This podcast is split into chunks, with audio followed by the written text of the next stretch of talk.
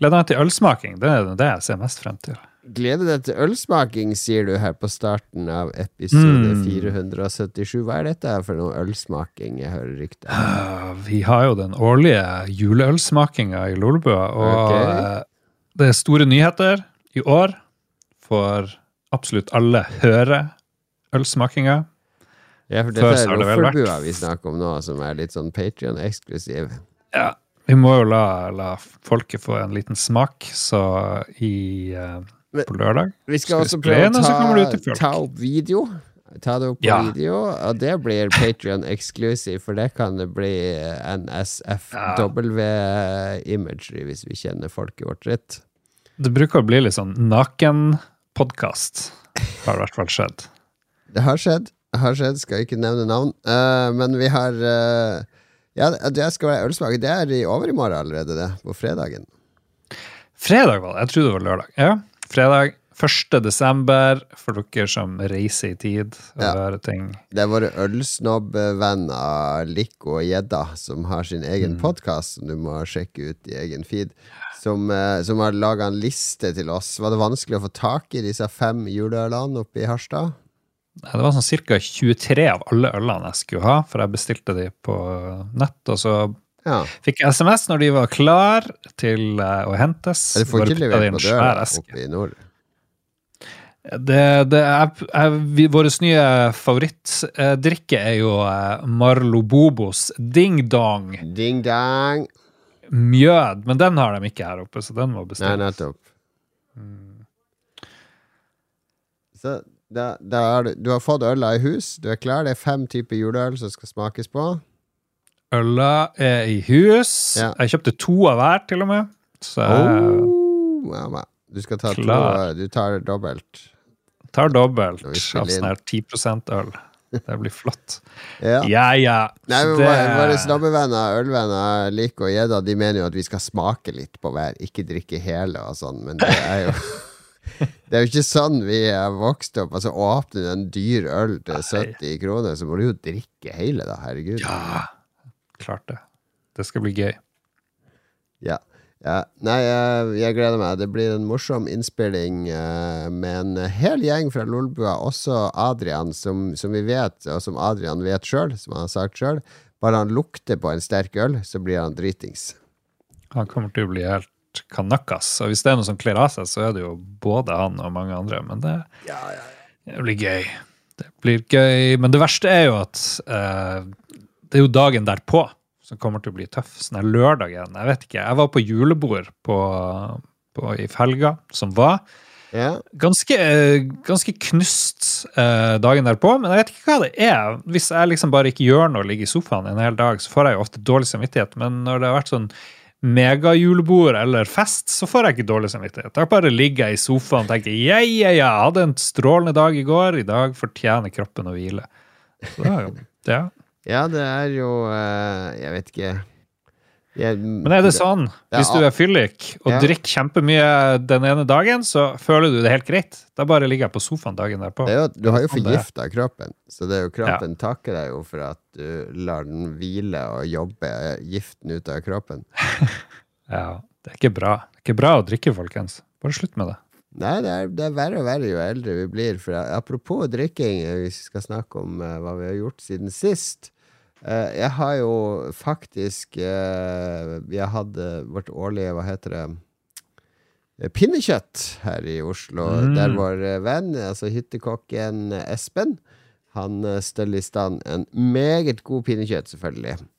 Eh, med og det som skal til, og så samles vi hos Espen. Og nå var vi elleve stykk der. Og jeg var, var en eller annen grunn som var veldig gira. Jeg kom dit veldig tidlig. da Vi skulle se Formel 1-kvalik, og det skulle, skulle ikke være måte på. Så jeg begynte jo å drikke øl sånn i ett-tida. Og så ble det jo masse akevitt etter hvert, så jeg ble jo Jeg husker jo ingenting av den kvelden. Jeg har sett noen sånne videoklipp at jeg prøver å ha en musikkquiz og rote med om runden har vært før, og sånn. Det ser helt forferdelig ut. Uh, jeg så du kom tidlig, og så ble du satt i å henge opp lampe. Eller noe sånt. Ja, ja, ja, det var sånn tvangsarbeid fordi Espen skulle henge opp noen lamper og sånn, så vi ble stående og bore i noen vegg, og jeg så dokumenterte alt det på Snap. for å advare de andre som var på vei. Men uh, da, da ble jeg sånn der uh, ubehagelig full. Sånn, sånn som ikke er sunt Ja, du, du delte video av andre og sammenligna dem med Quisling. og ja, ja. Helt sånn meningsløst at du skulle måtte drive og gjøre husarbeid. og sånn der. Du ble litt sint.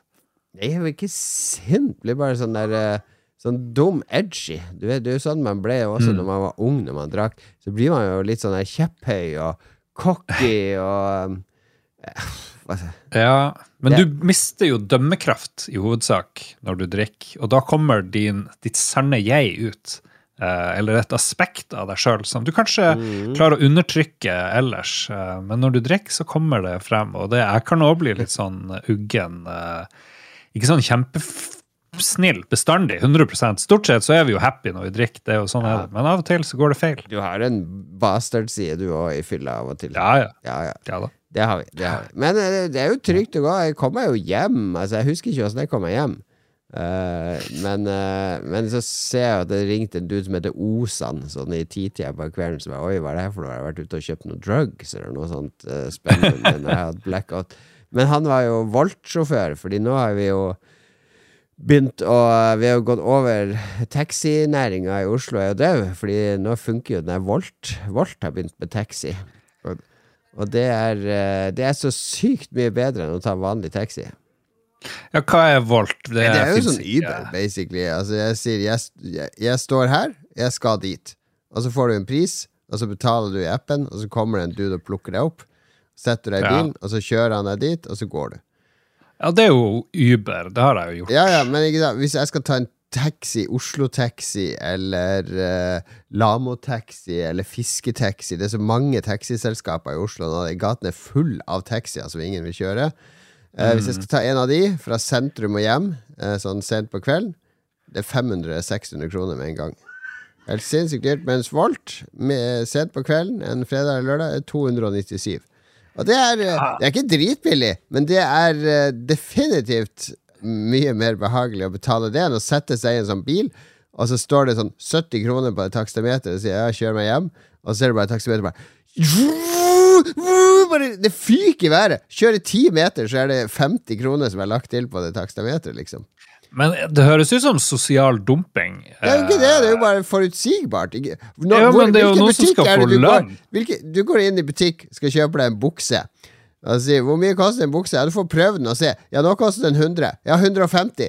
200. Er du ferdig å prøve? 250. Det blir dyrere jo lenger. Altså, hva, hva er logikken her? Det er bare å si, jeg skal derifra til dit. Hvor mye koster det? Gi meg en pris. Ikke ha et takstameter. Hvor kommer takstameteret fra?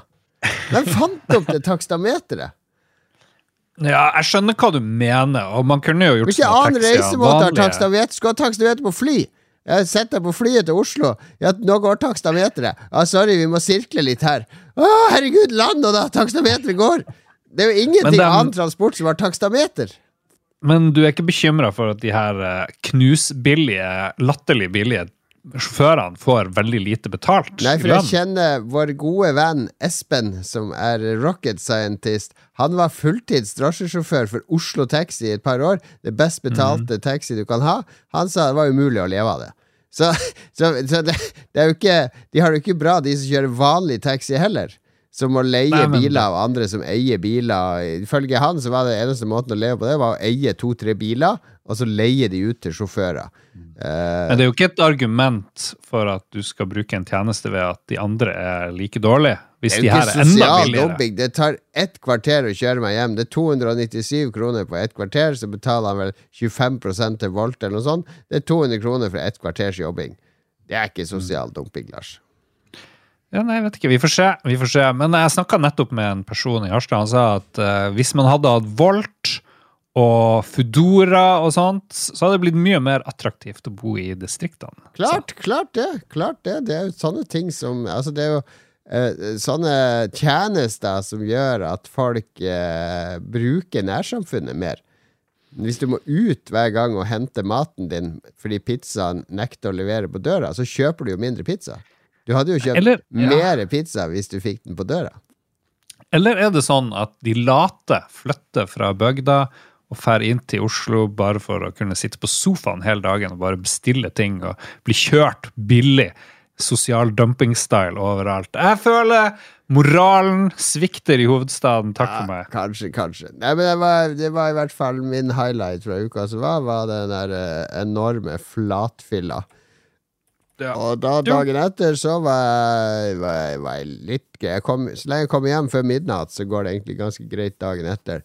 Prøvde jeg å se Formel 1, verdens kjedeligste løp. Herregud, så kjedelig den der uh, Den hele sesongen har jo stort, vært, stort sett vært ganske Ja, kjedelig, det har jo vært eh, overkjøring, og det er ikke så, så gøy. Uh, noe, noe gøy har det vært. Las Vegas-løpet var overraskende gøy, faktisk. Det var mye forbikjøring og sånn. Jeg kom på andreplass i både Lolbua og Radcrew Formel 1-ligaen, kan jeg informere om. Ja, men jeg så det hadde begynt med noe som heter FN Kids. Oi, ja. Det er en sånn sending de har på FN-TV. Du kan velge å se den. Og da har alle sjåførene har sånne svære avatarer i den der eh, lista What? med plasseringer. Og så er det sånne kommentarer som forklarer for barn hvorfor det er sånn, og hvorfor de gjør sånn, og ditt og datt. Det var, var en veldig selsom opplevelse. Jeg prøvde å se det. Så litt fotball. Egentlig eh, sløva bort dagen ganske effektivt. At det er jo sånn man skal gjøre det etter, uh, etter det greiene der. Nei, jeg var jo òg hadde fest uh, i helga, og vi hadde to quizer. Du nevnte du var for full til å quiz. Jeg deltok i både som vanlig allmennquiz på papir. Veldig gøy, vi vant. Uh, og så var det musikkquiz, og da var folk ganske dritings. Og da hadde vi rigga opp to mikrofoner, så det var sånn her eh, allsang på grensen-tilstand. det, var det sånn jeg skulle løpe frem og synge, sånn koronaquiz? Det var Du trengte bare røyse deg opp. Ja. Røyse deg opp, begynne å synge. uh, hvis du gjetta rett sang. Det var, man trengte bare gjette rett artist. Ja, Vi sånn var altfor full til å gjette noe mer. Ja. Er det ja, strålende. strålende. Anbefaler julebord. uh, men så noe annet jeg har tenkt på, da. Jeg har ikke bare gjort ting jeg har tenkt, og det er jo alle de fattige menneskene som nå driver og fyker rundt og skal ha mat hos Frelsesarmeen og sånt. Yeah. Eh, skrevet litt om det på jobben. Jeg er jo journalist i tillegg. Og det, det Folk drar inn fra distriktene til Harstad for å hente mat. De syns kanskje det er litt for flaut i sine egne kommuner, hvor det liksom bor ikke så veldig mange. Hvor skal de gå og liksom hente mat? Da er det bedre. Skal man ikke hjelpe de der de er? Hjelp de der de er. Ja, men nå har Frelsesarmeen sagt nok. Vi kan ikke gi mat til folk utafor Harstad. Og Er det sånn Fremskrittspartiet, Frelsesarmé? Jeg vet ikke, jeg må- tror bare de har må altfor lite finne- ressurser. Hente mat der de er. De må hjelpe de der de er. Det høres ut som Fremskrittspartiet, ikke Frelsesarmeen. Men det du må huske, det er jo at de som jobber i Frelsesarmeen, de tjener omtrent ingenting. Og det, det, er ikke så mange som kommer og banker på døren. de får sin lønn i himmelen, Lars. De får sin lønn Ja. i himmelen. Det er lettere for en kamel å komme gjennom et nåløye enn en rik mann å komme inn i himmelen. Ja, Nå gnukker vi for mye her i det her segmentet, men jeg anbefaler alle yeah. bli med i Frelsesarmeen. Støtt eh, hvis du eh, Ja, gjør det. De trenger folk. eh, Mitt eh, Det inntrykket jeg har fått, da. Nå trenger folk hjelp som aldri før. Folk flest er stort sett douchebag som bare tenker på seg sjøl. Ta og eh, Selg alle tingene dine. Bli sånn her eh, offiser i Frelsesarmeen. Vi livet ditt til noen andre. Det er mitt Ja, det er godt råd. Nei, men det, det, det fattige har Det har skjedd noe i Oslo sentrum òg nå i eh, november. For det plutselig dukker opp masse folk som sover på gata. Uh, for eksempel kommer du ut fra T-banen på Stortinget, kommer du opp, så er det noe stillas der, for det var brann i det bygget. Og så mellom alle stillasene så er det folk som har rigga opp eh, eh, madrasser og soveposer og sånne forheng og ligger og sover der når jeg kommer på jobb om morgenen. Oi. Det, og det er sånn så Jeg har sett i Paris og andre sånne storbyer, men det har ikke vært så mye sånn i Norge at folk ligger midt på fortauet og sover i sovepose, liksom. Det er det er, litt eh, Det er litt fattigdomssjokk akkurat Ja. Men vet du hva jeg hørte fra en, en en sånn kommunetopp i dag? Eh, Han hadde jo prata med, med folk, ikke Per-Willy. Og han sa at liksom, du, du kan ikke gjette hvem det er som kommer for å hente mat. Det kan være folk som har Tesla og ser liksom eh, vellykket ut og ja. stort hus og sånn, men det er kanskje de som De er jo, driver jo også de, mye. De, de som er på Luksusfellen, har jo alltid minst to biler. De har tatt Ja. sånn her, eh, bi, kjøpt bil med forbrukslån og sånne ting, så det, det er jo vanlig, det. Ja. Så jeg anbefaler alle som hører på Lolbua, som sliter økonomisk, ikke betal Patrion-ting akkurat nå. Det må dere kvitte dere med Ja, med det er, en vi gang. klarer oss uten Patrion, så hvis du sliter med å få endene til å gå rundt i jul, så bruk pengene på julegaver og ribbe. Ja, vi har allerede handla inn øla eh, til årets juleøltest, og den Ja, går gratis. jeg har ikke betalt dere for den øla ennå, så litt Patron må jeg ha igjen. Hvis vi skal få dekt utgifta di. Ja, jeg vet ikke om det er forsvarlig. Men ok. Hva vi skal høre på slags uh, musikk? Jo, du, nå skal vi faktisk høre på en låt fra Bomberman World, et arkadespill med selveste Bomberman i hovedrollen. Det spilte vi litt på hytta, det var gøy, det. Ja, jeg fikk aldri prøvd en eneste runde, men det så veldig gøy ut. Jeg husker jo da vi deg, spilte kan du glede deg til å spille det på din analog NT 4-player hjemme. For det er bare å koble opp Switch-kontroller, PS4-kontroller, PS5-kontroller, alt sammen Mm. i en herlig symfoni, og så kan du og dine kompiser le og kose dere. Oh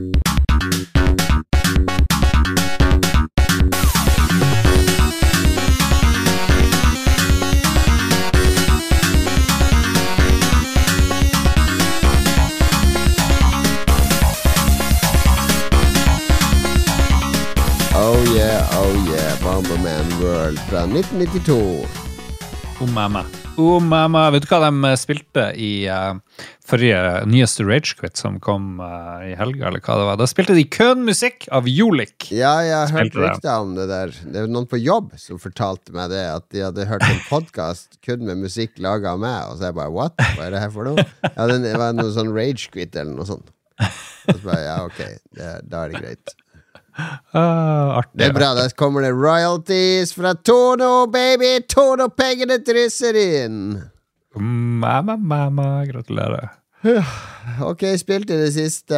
Jeg er eh, Jeg er helt på EVE Online-kjøret nå. Så nå er jeg i en sånn mm. slump med å dele nye spilleopplevelser. Nå er det to karakterer. En, en miner og en explorer. Det er så gøy å explore i EVE Online. Fordi da, da har du sånn skip med skannere og litt sånn datautstyr og sånn, og så, og så finner man wormholes ved å drive og skanne. Ja. og flytte sånne prober rundt og pinpointe sånne anomalies i space. Så finner du wormholes, og da kan du warpe inn i de wormholene. Mm. Og der må du markere utsikten, for der er det ikke noe sånn oversiktskart og, og alt sånt. Hvis du begynner å fly der inne, så kommer du deg ikke ut igjen. Ikke sant? Fordi du, må markere inngangen til wormholet, så du må gjøre ting manuelt der. Markere den som et sånn navigasjonspunkt. Og så må du begynne å Ja. skanne etter anomalies. Og der kan man finne sånne gasskyer med verdifull gass, så man kan dra en sånn der eh, gasskip inn for å harveste det og selge. Eller man kan finne gamle sånn relic sites eller datasites eller sånne abandoned ting som man kan hacke seg inn på. Da kommer sånn hacke-minispill, som er en slags avansert versjon av Minesweeper. Og litt sånn puslespill med et objekt der så mange punkter unna, og så er det hinder i veien. Ganske gøy. Eh, og så er det sykt spennende, fordi i disse wormholes så Du vet ikke om det er andre spillere der. For vanligvis så kan man se på en sånn oversikt at det, det er så og så mange spillere i dette systemet, og du kan eh, se på, på en sånn der eh, systemoverview eh, om de er i nærheten og sånn. Mens her må du hele tida bruke sånn directional scanner og skanne området rundt deg. For å se, Ah. se om det dukker noen opp.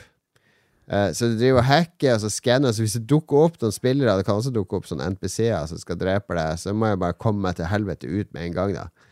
Så man må være veldig sånn på alerten. Det er veldig sånn der Dark Souls-følelse. For jeg har ikke noe jeg kan ikke, Det skipet tåler jo ingenting. Det er bare sånn billig Explorer-skip jeg har.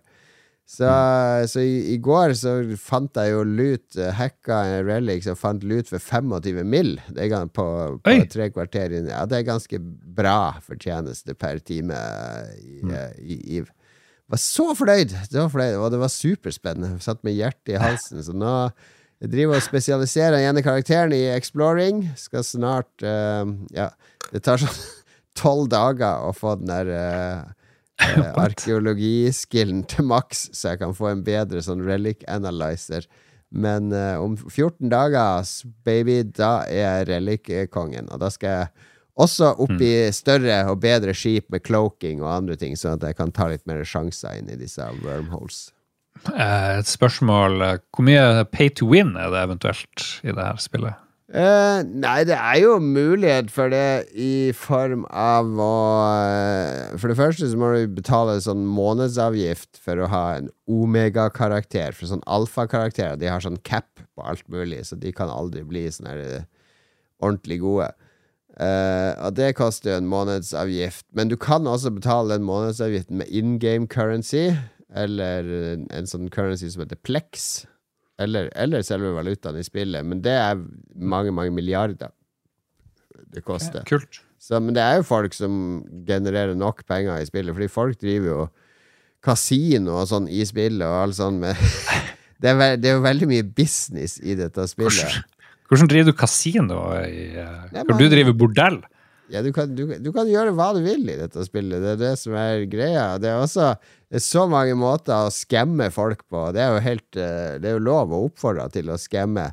Det er en sånn klassisk sånn trade scam, fordi det er sånn handelsstasjoner rundt omkring, så du kan tjene masse penger ved å håle ting som er billig i periferien, inn til de store handelsstasjonene i midten, og så selge det med stor fortjeneste. Men det er masse risiko. Du kan bli overfalt underveis og ganka. Men uh, der er det jo en, en som gikk på en scam nå nylig i korpet mitt, som fortalte fordi han ja, Det var en sånn dritdyr ting der ute. Det kosta uh, 200 mill. eller noe sånt, men den var noen som ville kjøpe den på den hovedhandelsstasjonen for en milliard. Så bare yes, kjøpte den for 200 mill. Og så reiste inn dit, ta en halvtime, så når han kom inn der, så var den buy-orderen borte. Og, fordi, og det er en sånn klassisk gammel scam der du har to karakterer som samarbeider, og han ene legger ut en sånn veldig sjelden ting, eh, men som ikke er så ettertrakta, egentlig, til kjempehøy pris der ute. Altså han andre sier at han skal selge den der, og med en gang han får solgt den der ute, så bare ok, vent et kvarter, og så fjerner du den sell-orderen. En buy-orderen. Så får sitter du stuck med en sånn greier du har betalt altfor mye for, som du aldri blir kvitt. Og, det er masse scams, masse scams i det spillet her. Ja, Du får ikke lyst til å bli en sånn kriminell? Nei, altså vår venn Frank er jo så kriminell. Jeg spilte jo det her med Det, det er litt gøy, for han ene karakteren, han mineren min, han eh, har eh, Hva var det jeg gjorde? Eh, jo, ehm, han har vekket til liv igjen etter mange år, for jeg spilte med han i 2016. Og da gjorde Spilte med Frank, vår venn, eh, og han var jo i en korps og spilte veldig avansert. Jeg, jeg skjønte jo ingenting av hva de drev med, men de var jo etterlyst overalt, for de drev og drepte spillere overalt. Han kunne nesten ikke reise i noen av de der high-sec, altså high security-systemene. Men så ser jeg i loggen og alle mailene han har fått, for du har jo eh, innboks og, og mail og sånn. Så ser jeg, jeg spilte jo faktisk med den karakteren første gang i 2007-2008. Da spilte jeg med Tore og Tom. og vi drev og flita opp og, og mina og sånne ting. Det hadde jeg helt glemt av. Jeg har sånne gamle chatlogs med Tore Lydgen Melkor, som Tore heter. Det, det var litt gøy, da. Den karakteren har faktisk levd ganske lenge. Ja, han er, hva han blir eh, 20 år i 2027. Så Noe det sånt. er Noe sånt. ja.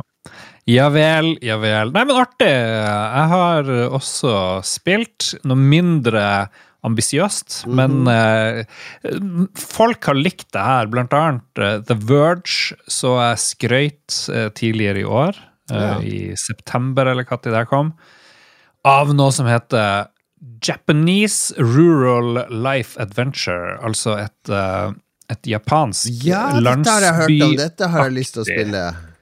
Ja, og det er mm, Jeg spilte på fuckings uh, mobil.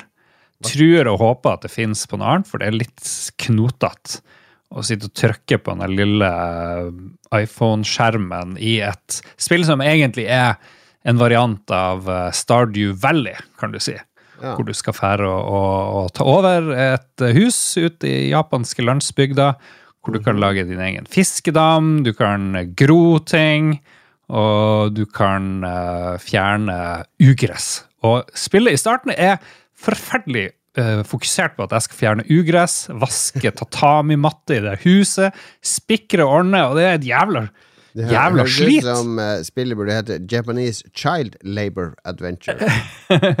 Ja, jeg regner jo med at uh, For nå har jeg endelig klart å ordne det her huset, og min landlord er fornøyd. En sånn sur landlord som bare sier ja, hvis du ikke klarer det her, så får du bare flytte bort fra landsbygda. Da er ikke det her for deg. Men, um, men det verste med spillet så langt det er å skulle klare å trykke på små små ikoner på skjermen for å plukke opp eh, eh, hammer og spiker og sag og alt det der. Jævlig irriterende. Så hvis du kan spille det på noe annet enn mobilen, og det tror jeg du kan, så gjør nå heller det, da. Um, eller kanskje det er bedre på en iPad eller en større mobil. Jeg vet farsken. Men folk elsker det, slapper av. De skal reise og se Mount Fuji og ordne koi til fiskedammen og alt det der, og så er det sommerfestival. Det er jo liksom det, det, jeg, jeg vil ikke tro at det her vil oppfange eller fange folk like mye som eh, Stardew Valley, da. Det tror jeg ikke. Men uh, det virker lovende. Vi som liker sånne Miyazaki-filmer, ikke Ja, sant? ja, ja, hvor de er mye på landsbygda, det her er jo drømmen, egentlig. Hvor det, hvor det ser litt sånn ut, da. Det, ro, det rolige livet på landet i Japan. Åh, apropos det, det er jo kommet uh, ny Miyazaki-film på kino nå. Ja, jeg så det. Hva er den heter for noe? Gutten og hegren på norsk. Ja, ja, den går på kino her ennå. Man kan få flybillett, eh, flybillett, kinobillett og sushi, tror jeg det var her på kino. Oh, så det- kombo! ja, Det ja. stinker fisk under hele filmen, og alle sitter med hver sin sushi. Ja, skal vi, skal vi se Fins det her Rural Life Adventure på noe annet enn PC? Det, hø det høres jo ut som uh, han er Tim Fallin uh, Hva heter han? Tim uh, Rogers. Ja. Eh, han har vel også drevet og, mast en del om et sånt der uh, Som høres veldig ut som dette. mhm. Kan godt hende det er det. Det Bare på Apple Arcade, ser det ut som. Herregud. Ja, jeg så det. Jeg synes det er Apple Arcade Exclusive. Ja. Nei, det er nok en liten kneik, kanskje. Ellers er jeg for utålmodig. Men jeg tenkte at er det her et horrorspill hvor jeg skal tvinges til å trykke på små knapper i, på den fucking skjermen, eller er det meg det er noe galt med? Det som han Tim Rogers har laga en video, video på, er jo Boku no Natsuyasumi. ja. Eh, skal se om han har laga den videoen ennå. Ja, Action Button Reviews Boku no Natsuyasumi. Det er seks timer og tolv minutter. Det er et japansk spill. Det er jo det dette er basert på, som heter My Summer Vacation. Mhm. eh, som kom på PlayStation i juni 2000. Eh, der er sommerferien til Boku, en niåring som i august 1975 og skal ut til å bo hos sin utvida familie på, i den japanske landsbygda. Okay. Så du har 31 dager der du velger sjøl hva du skal gjøre i sommerferien din. Det Ok, men det er noe annet enn det jeg har spilt, da. Ja, ja, ja. Det er det nok. Ja vel. Tim Rogers, you crazy man. Ja, elsker Crazy, Tim Rogers. Elsker. Elsker Tim Rogers. Det, han er alt jeg skulle ønske jeg klarte å bli som spillkritiker. Ja. Edgy spillkritiker med rare briller. Er det det? ja. Det var det jeg drømte om å bli. En edgy spillkritiker med rare briller. Ja, du er nå halvveis der, i hvert fall. Ja, brillene ja, jeg må få rarere briller. Ja. Er det noe galt med å ha rare briller? Nei da, det er helt topp. Har ikke du rare briller? Nei, de her er ganske straight. Jeg har litt rare skjermbriller, men de er på jobb. Nei, men bra. Det siste jeg kan nevne, er at jeg installerte i helga Gamebase 64 igjen. På, eh, etter at jeg installerte en ny PC for et halvt år siden. Eller Windows ja. og sånn. Fordi Gamebase 64, det er jo noe Nå har jo du begynt å spille litt på PC-en din. Minecraft og sånn. Og så skal du jo sette Mhm. opp din analog NT, og den må du jo koble til PC-en jevnt og trutt for å oppdatere alle cores og sånne ting. Det er veldig enkelt. Men Gamebase 64, det er jo rett og slett en, uh, et sånt interface Uh, som gir deg tilgang Altså du kan, du, Alle Commodore 64-spill som fins, ligger der, og du kan spille det i en emulator. Eh, og du kan høre på SID-musikken fra de via SID-player og sånn. En sånn enorm database med alt, og masse Mm. extras.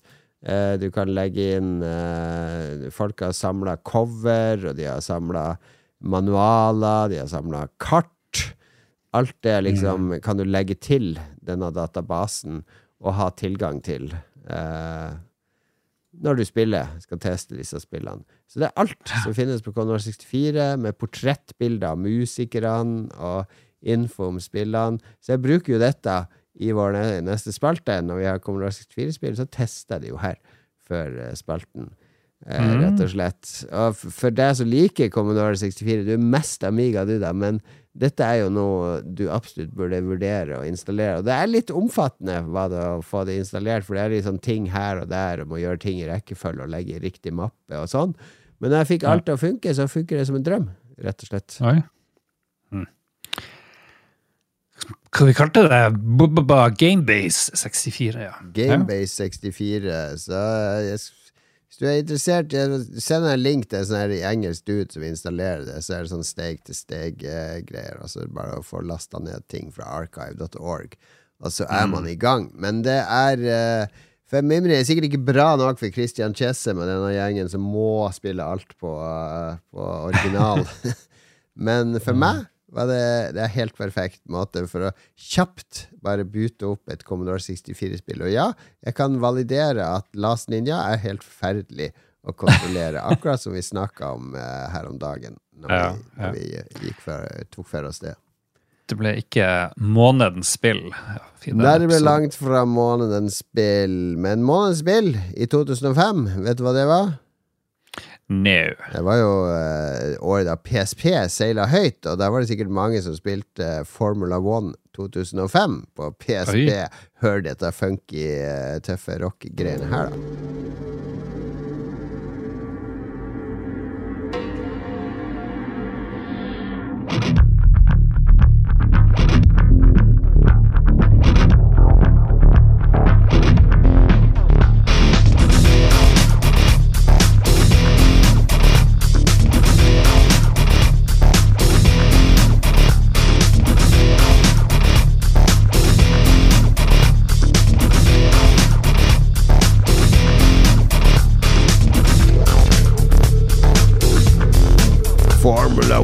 05, mine damer og herrer. Og vet du hva, jeg er faktisk ganske lei av å høre den her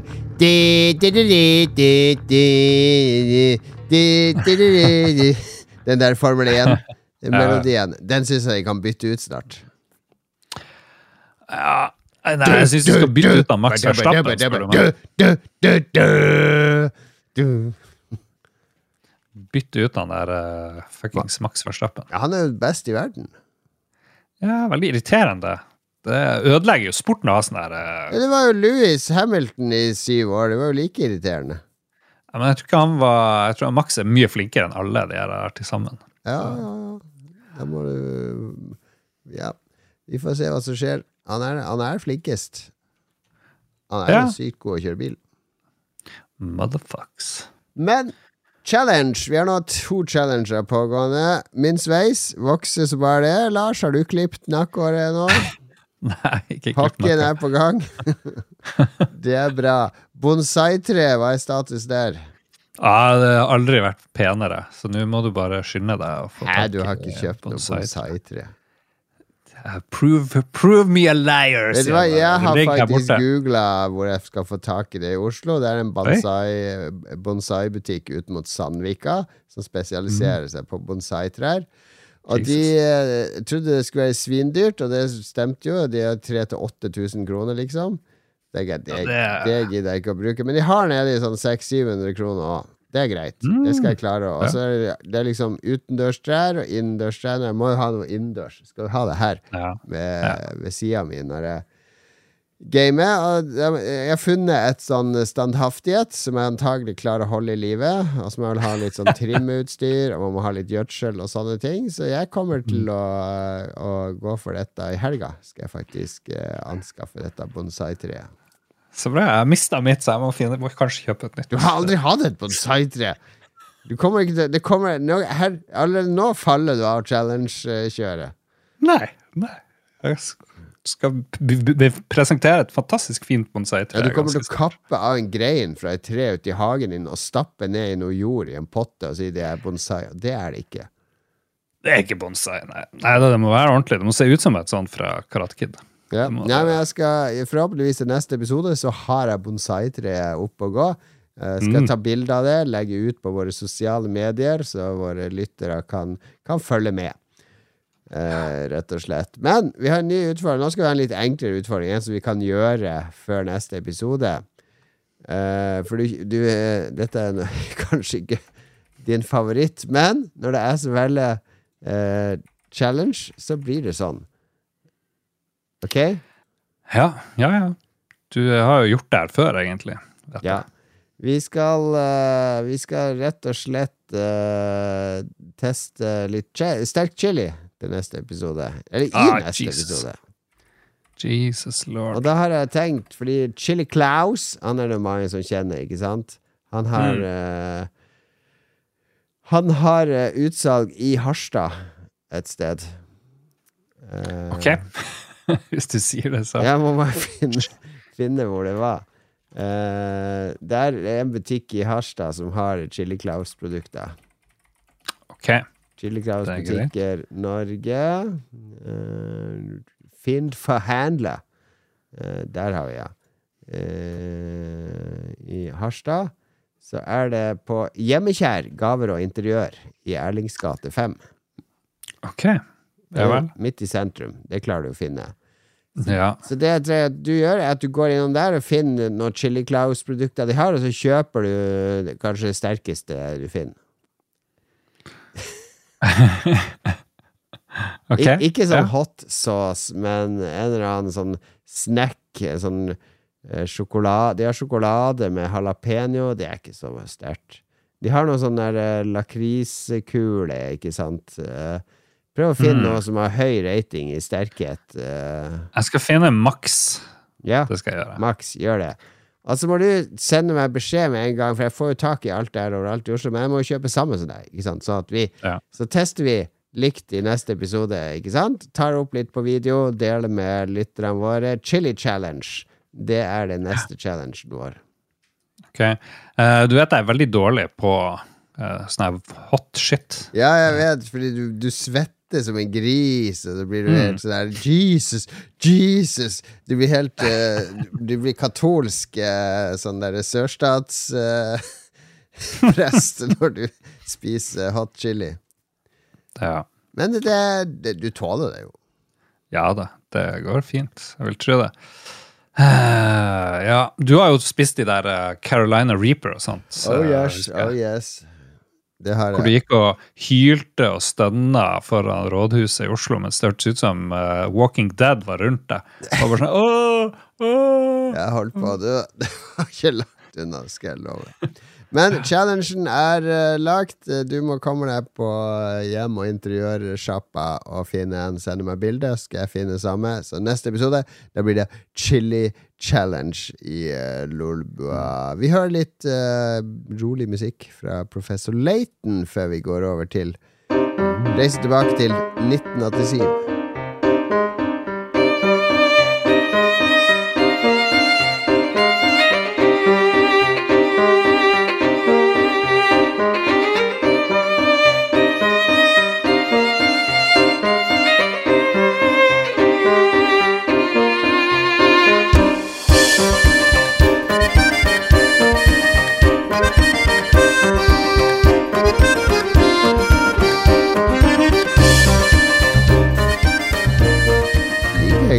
egentlig Leiten spiller han veldig godt. Det var koselig spill. Det. Litt sånn uh, quiz-aktig Nei, ikke quiz, hva heter det? Puzzles. Ja, ja, ja. Veldig sånn der eh, Altså, puzzles tatt helt ut av sin kontekst. Det er litt som The Witness òg. Bare det er mye mer sånn systematisk, eh, intellektuell eh, versjon av Professor Layton, hvis du vil si. Intellectual. Nå har jeg fått melding at eh, UPS har levert pakke til meg på Rema. Jeg lurer på om det er min uh, Det er din analog. Din analog NT. Da må vi skynde oss ferdig med episoden. Sånn, månedsmessig spill, 87, det blir det. Og så anbefalinger. All right.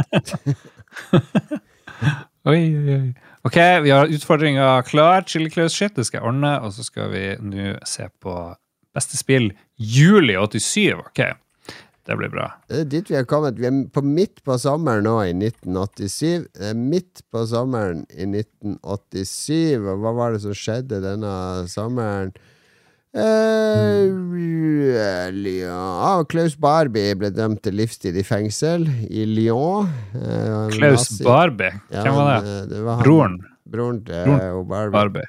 Ja. Han ble kalt for Butcher of Lyon. Som, eh, han torturerte jo masse jøder og medlemmer av den franske eh, resistansen. Det var en Herregud. Gestapo. Tidligere Gestapo. Gestapo. Gestapo. Um, Mm. Det ble fem milliarder folk på jorda i juli 1987. Um, b, b, b, ikke så Jo, Never Gonna Give You Up. Singelen kom denne måneden. Med Rick Astley. Uh, Dag Otto Lauritzen vant en etappe i Tour de France eh, det året. Der ser du. Oh, Mm. all right. Det, Frp gjorde brakvalg i kommunevalget. Gjorde de det? I 1987? Hører du ikke kommunevalg i juli? Jesus Jeg vet ikke hvorfor det sto. Ja, det er Ja, det skjedde i september, selvfølgelig. Jeg hoppa en måned frem. Selvfølgelig. Vi eh, må jo nesten ta og eh, eh, Jeg har bare fire spill denne måneden. Eh, ah, perfekt. ja, så du får henta din analog. Nei, fordi det var um, vi, vi begynner å nærme oss en sånn fase der Commodore 64-spillene er bra, men litt generiske. Altså litt eh, De gjentar ting som har vært gjort før. Det er ikke sånn du løfter opp og viser frem som noe ikonisk fra den epoken. Det kommer fortsatt mye bra på Commodore 64.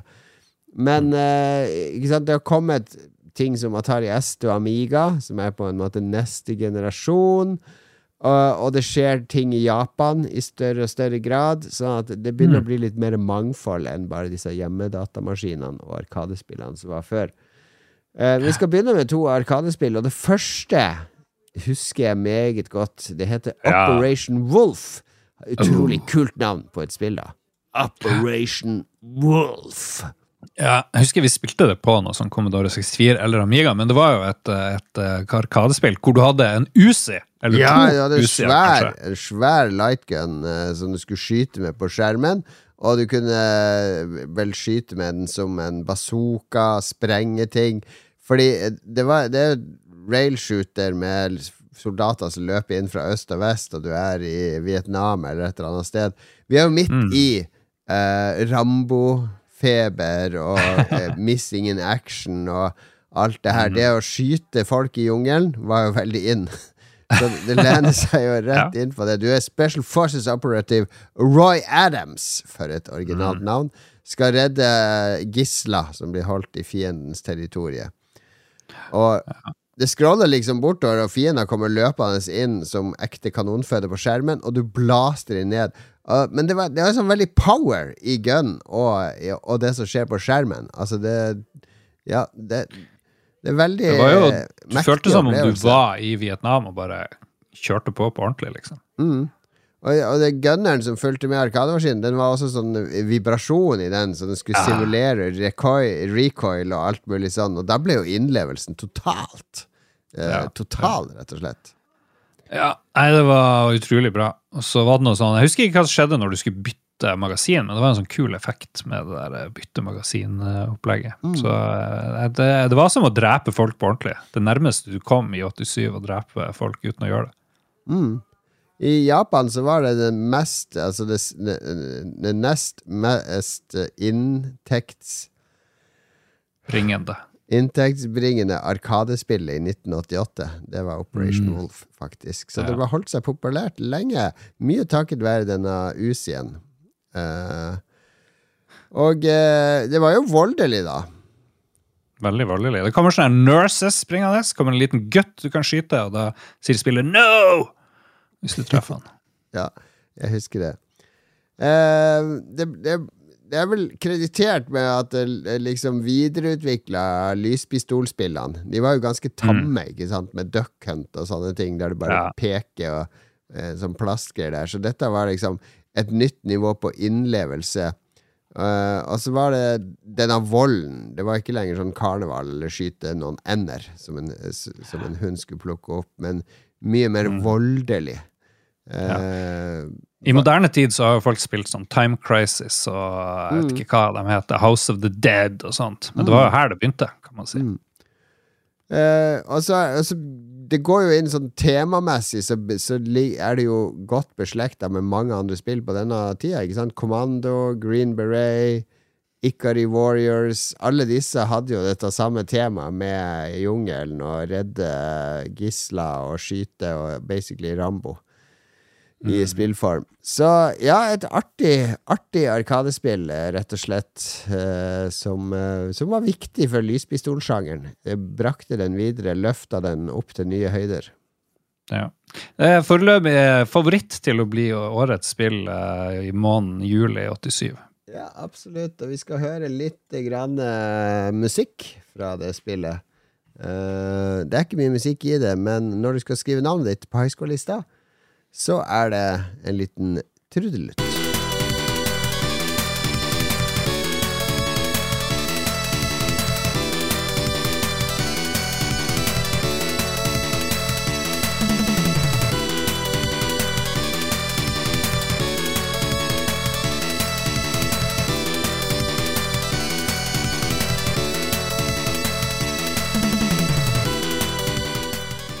Sånn hørtes det ut.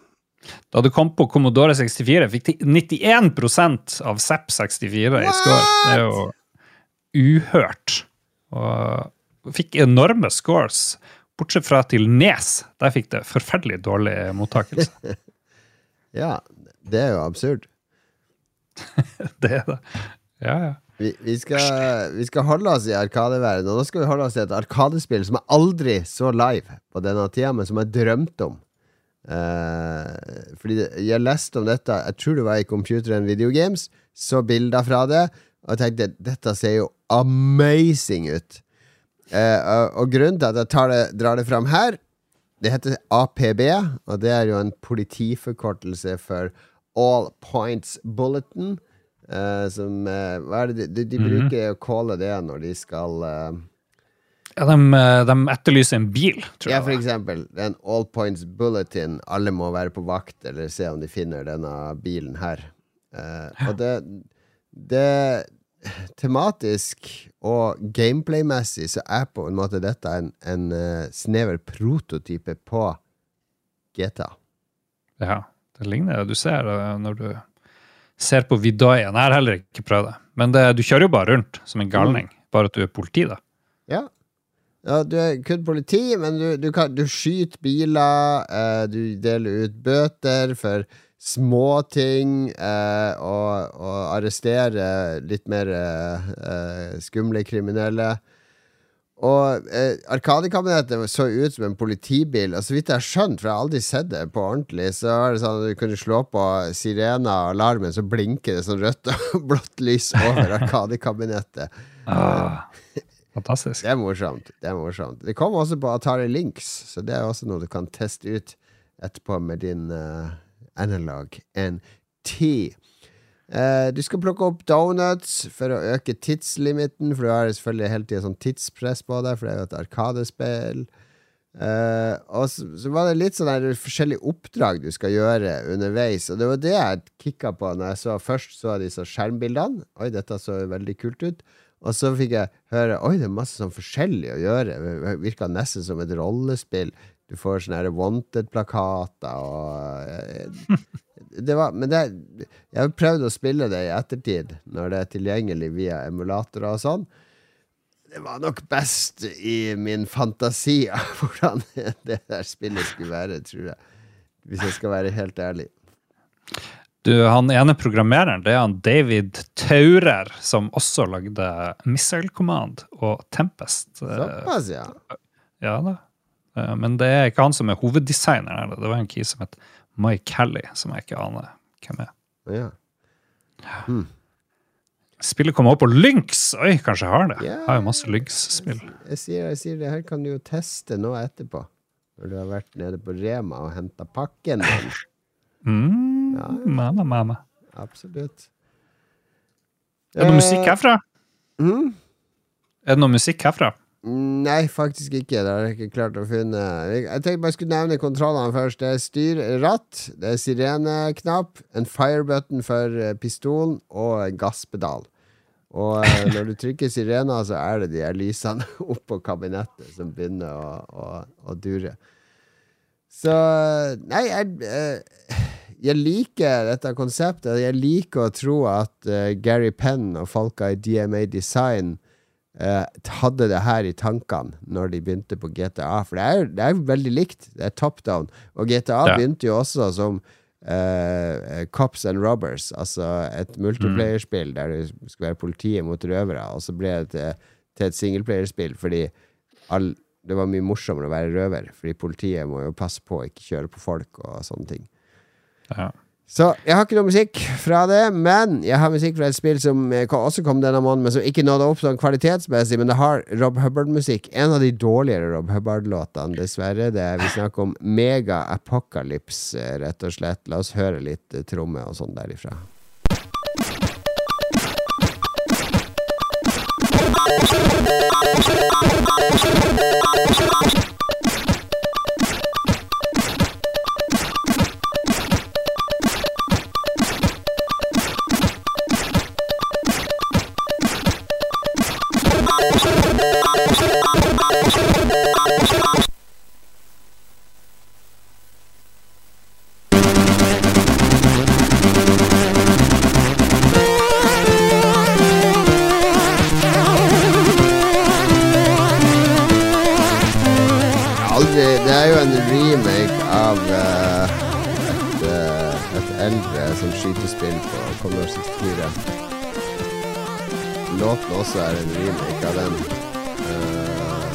Crazy Comets var originalen. Og den eh, likte aldri det spillet heller så veldig godt, men uh, den remix-versjonen her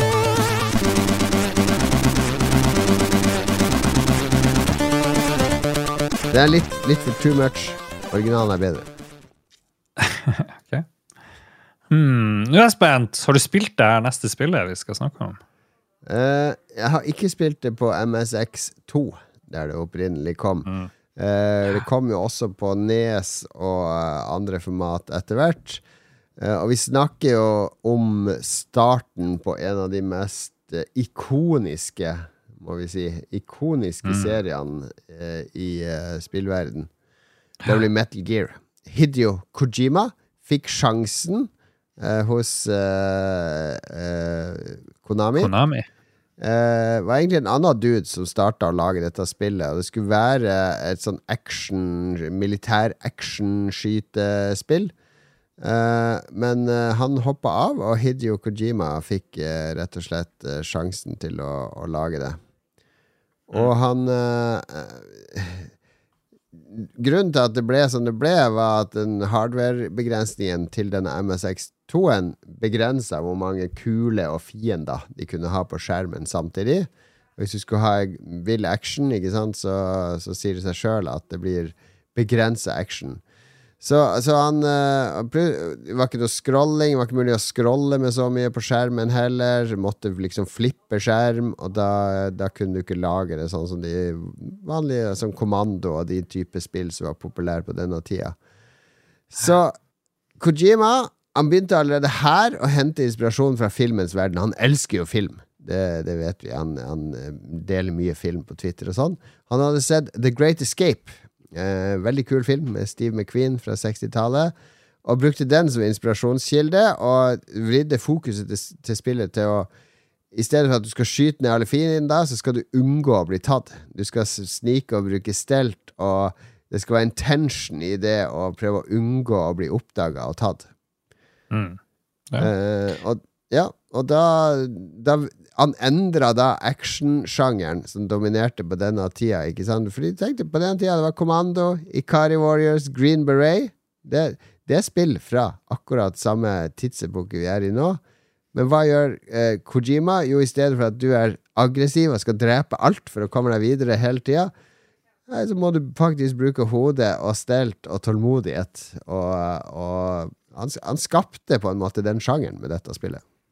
Jeg ser litt video nå. Han driver og uh, Snake går rundt og finner sånne cardboard box-greier. Og uh, finner koder til radioen, så han kan ringe og der dama og holde Ja, lange samtaler. Alle disse tropene, alle disse eh, fundamentene i Metal Gear-serien som på en måte har overlevd som identitetsmarkører til serie, de, mange av disse kom jo allerede i dette spillet og har blitt liksom ivaretatt videre.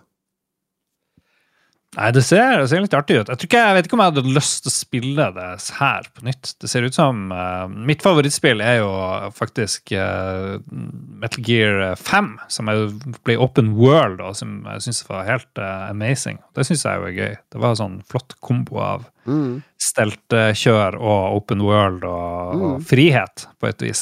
Jeg kan Men, det. eh, men det, jeg ser jo at det her var bra, liksom.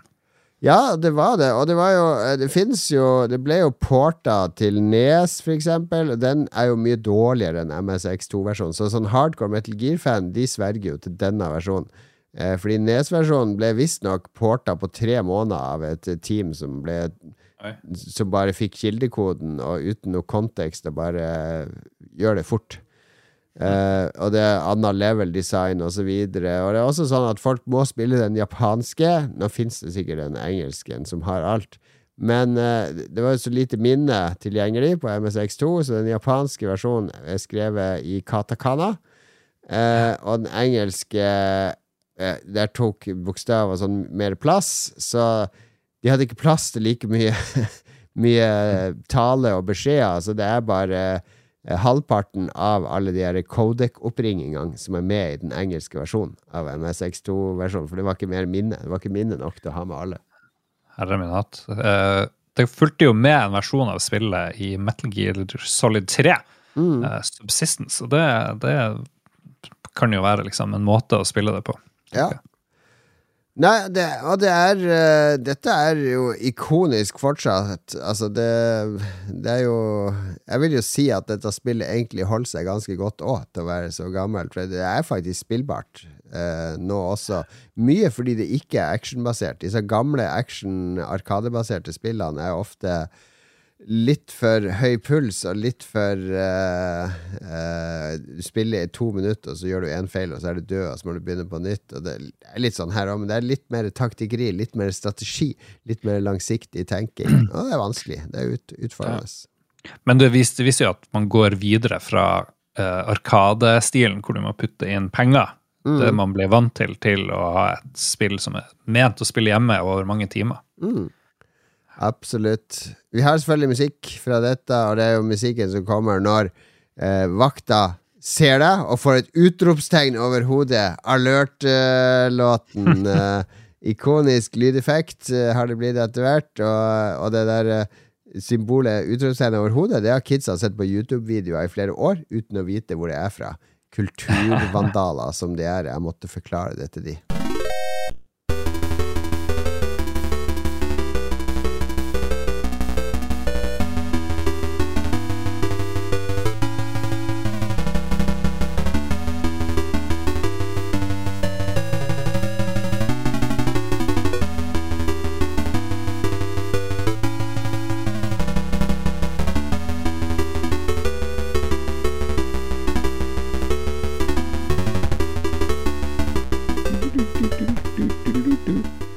Litt artig greie med coveret til MSX-versjonen eh, er jo en eh, sånn eh, ganske realistisk tegning av en soldat. Står med pistol opp.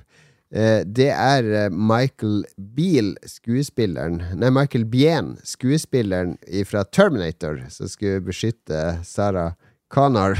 Oi, Eh, de tok eh, rett og slett Han som lagde coveret, tok en, eh, et PR-bilde av Michael Bien fra Terminator, og så bare treisa over det med blyant og tegna coveret til Metal Gear. det er jo genialt.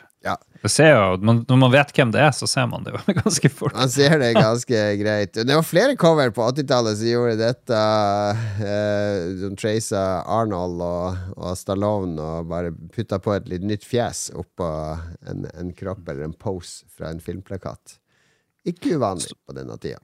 Det at Metal Gear skal finnes til Commodore 64 òg. Er det noe du kan ha prøvd? Ja, det kan jeg jo sjekke i min Gamebase 64 veldig kjapt. Skal vi se Metal Metal Ball, Metal Blob Bill, Metal Dust, Metal Force, Metal Gear. Ja da, det finnes her. Eh, copyright 1990. Det har det samme coveret med han Michael Beal. Bien. Ja. Bean. Ok. Ja, nei, det fins. Skal vi se hvordan det ser ut. Um, oi, det ser kanskje ikke kjempebra ut, men uh, ja, ja. Der er det ringer på radioen. Men det er jo et perfekt spill for Commodore 64. Men uh, oi, oi.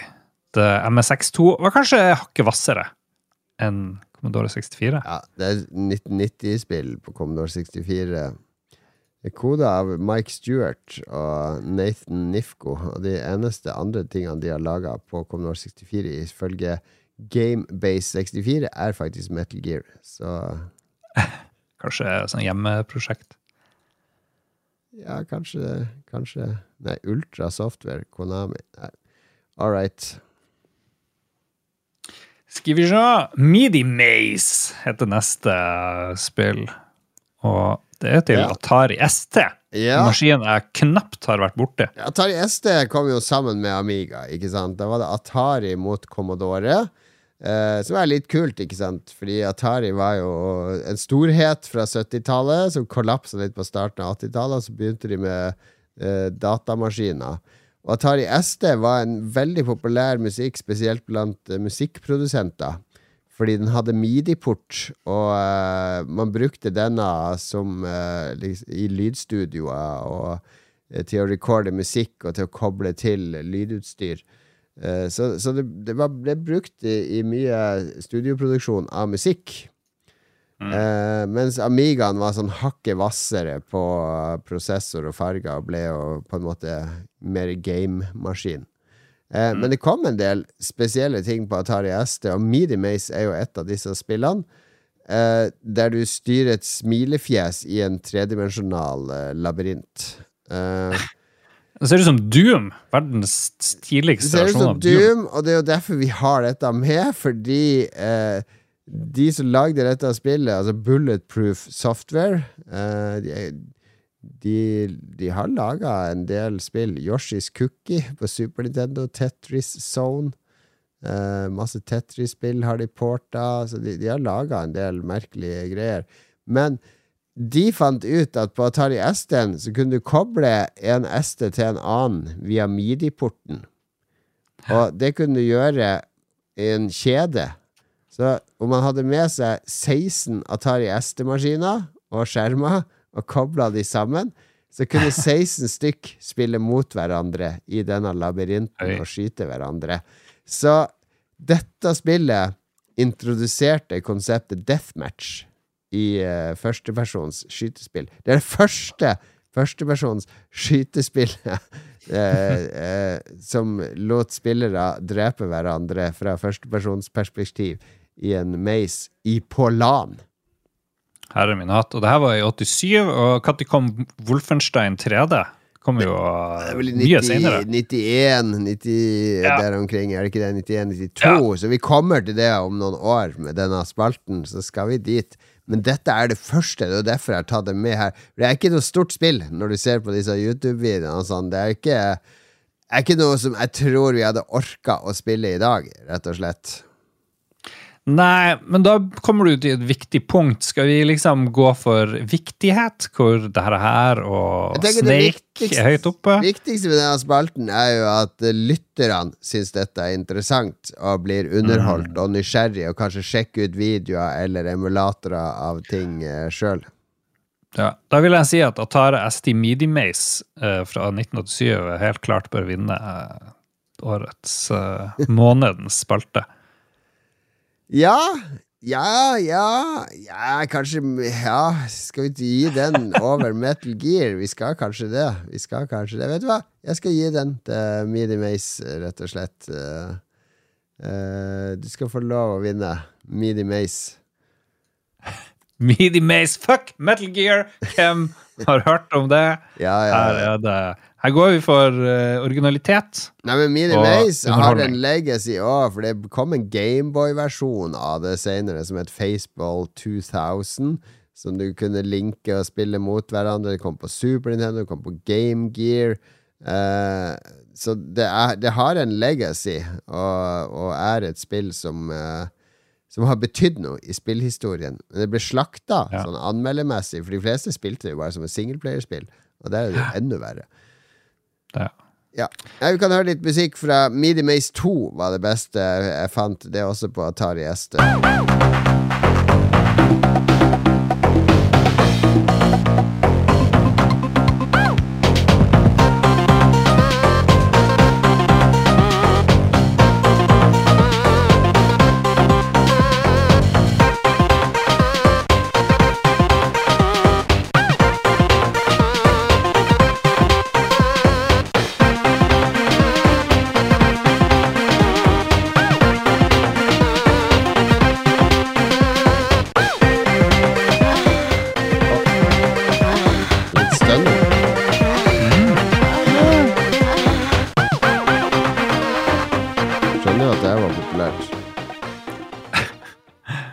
Det er jo et minus med at ikke vi har uh, spillrevyen og sånt, det er jo at vi er jo ikke så uh, hardcore på spillnyheter. Men uh, hvis vi hadde hatt en ikke verdens viktigste nyhet, men det er jo Game Award snart. Det, det Det har jeg liksom nesten gått helt uh, hus forbi. Ja, det at betyr jo bare at Game Awards er jo ikke viktig og relevant i det hele tatt.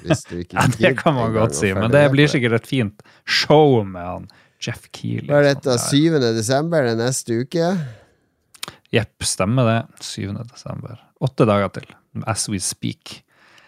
Hmm. Mm, Kanskje neste challenge skulle være at vi må streame det live, vi to, og så skal vi gi hver av oss en klesbingo. Så hvis Jeff Keeley kommer i skinnjakke, så må du ta av deg et plagg. Og hvis det skjer, må du ta av deg et plagg. Ja, hvorfor ikke? Jeg vet ikke. Vi kan streame det live hvis vi vil. Jeg er med på det. Nei, jeg Vi får se. Jeg gidder ikke Jeff.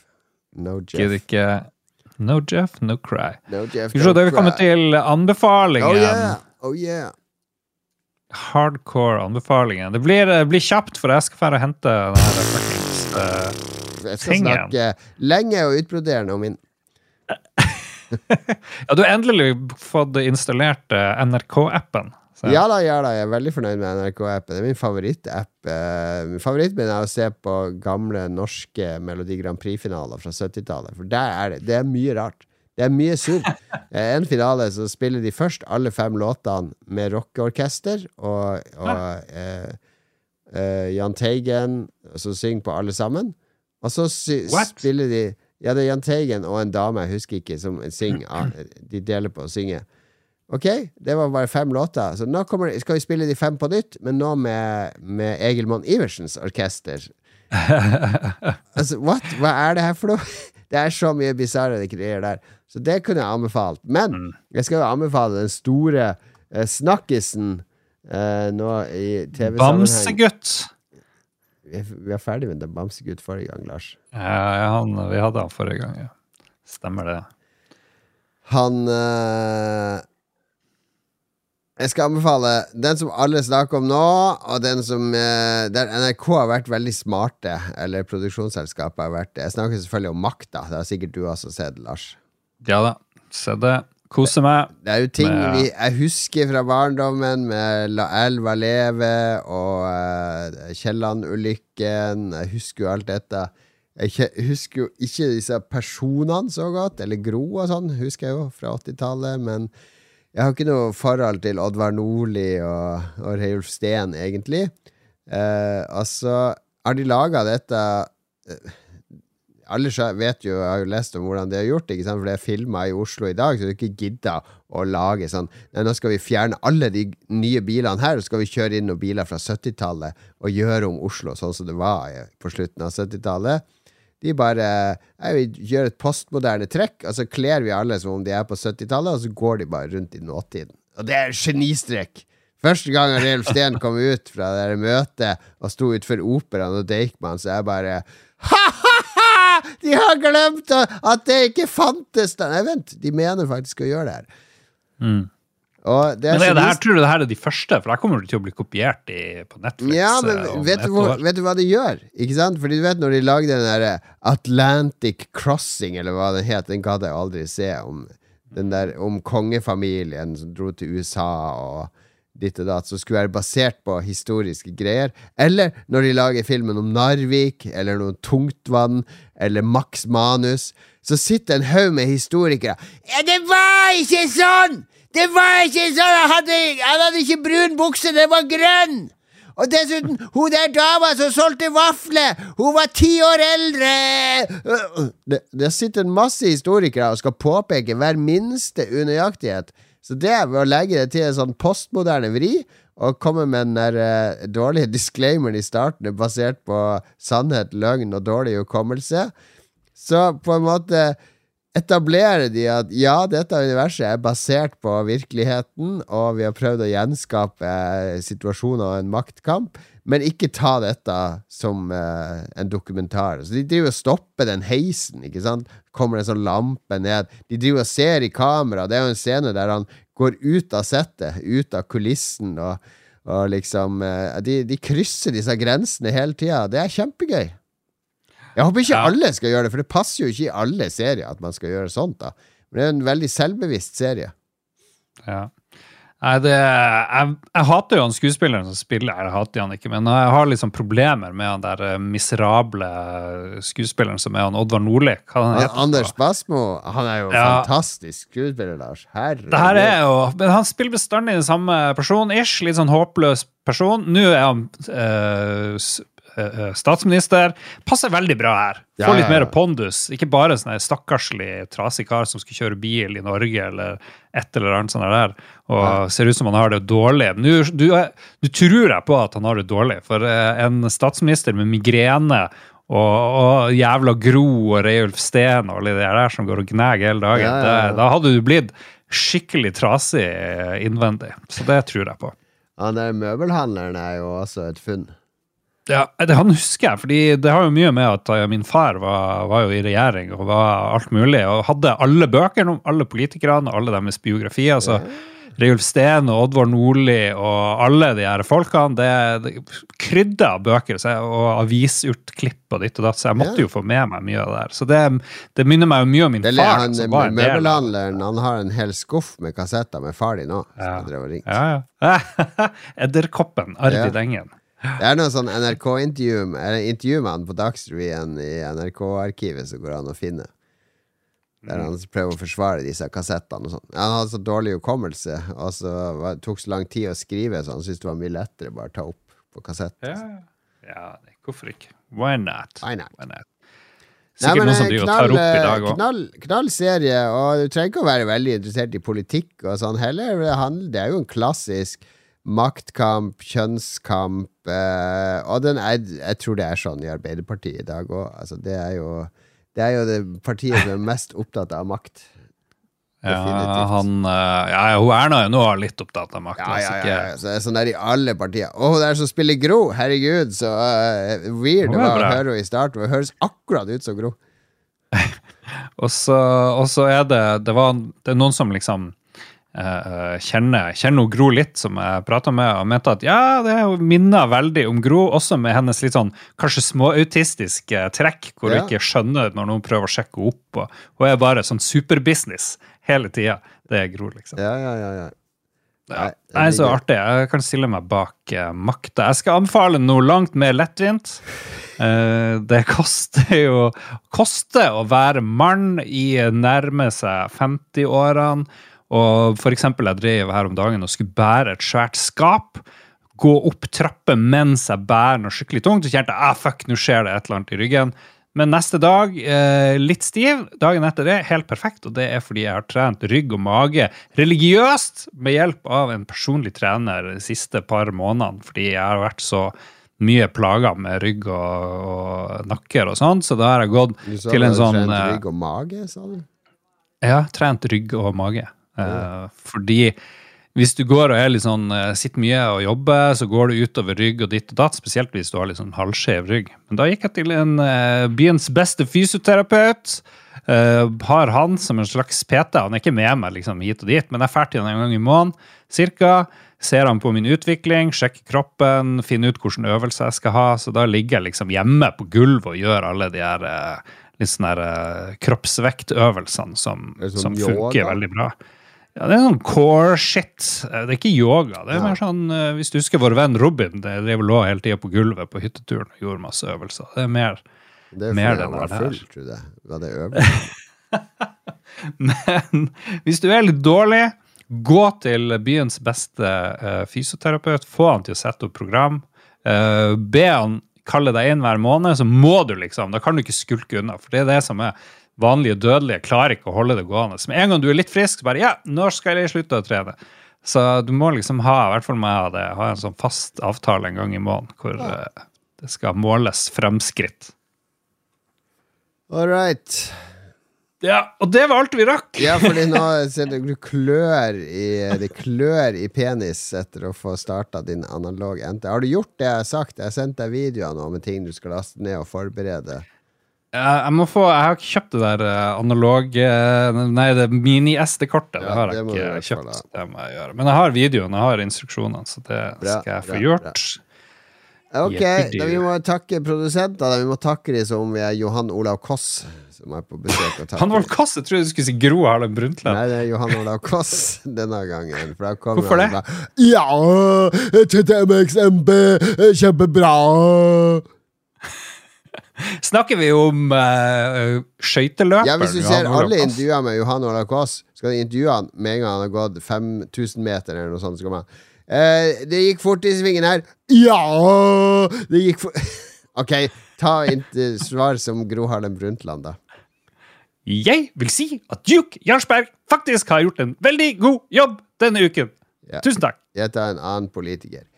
Det må jo være klinkende klart at Christer Lysaker er en av de dyktigste patrons som vi har på jorden akkurat nå. Det var Hvem var Kåre, det? Kåre Willoch. Det var Kåre Willoch, ja. Ok, han her, han her klarer det. Er Bislo er veldig flink. Fin tilsnitt til landet vårt og kongeriket. Hilsen far til Stoltenberg. Hva heter han faren til Stoltenberg? Han Jens, han Torvald. Torvald og Torvald. Torvald. Det er verdens dårligste Torvald. Det er bare jeg som snikinnførte Paridosspalten her igjen. ok, vi har en til. Og, uff, jeg har ikke flere politikere jeg kan ta, uh, skal vi se. Hvem, han som flirer. Du er god på han uh, Slagsmål Vedum. Jeg kan ta, ta jeg er kong, kong! Sånn. Ja, der, Tusen takk. Der Tusen takk, kong Hong. All right. Takk for oss. Eh, takk for at du gidder å høre på det her eh, tullet. Ja. Hvis du har noe hvis du har noe innspill, forslag til challenge osv., så, videre, så ta kontakt. Jeg er jo ikke på Facebook lenger, Lars, så du må, du ja. må sorte våre sosiale ja. medier. Vi har fått et, bra, fått et bra bidrag. Det kan jo bli neste gang. Eh, og det er å faste i 37 fem timer. jeg husker ikke hva det var. Et no sweat, sånt. No sweat. No sweat, ja. Det blir noe sånt. Ja. Det, vet du, jeg leste han der uh, um, Big Lotion, eller hva han heter. Han er Big Pimp. Pimp Lotion. ja. Han er jo sånn her eh, gal sånn her trenings- og kroppsdyr, han rapperen. Han sånn som driver og, og løper, går på ski med tape for kjeften og sånne ting. Han driver med sånn tørrfaste, der du ikke kan drikke vann mens du faster i to-tre døgn. Ja, det høres helt forferdelig ut. Det det høres jo livsfarlig ut, så det skal Ja. vi ikke gjøre.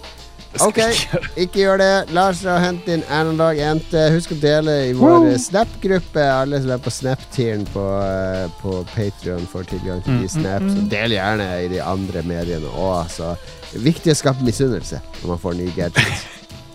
Stakkars folk. Yeah. All right. Hei da.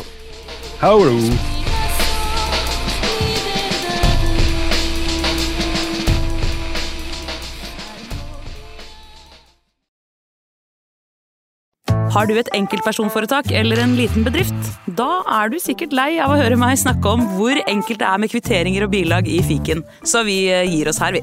Fordi vi liker enkelt. Fiken superenkelt regnskap.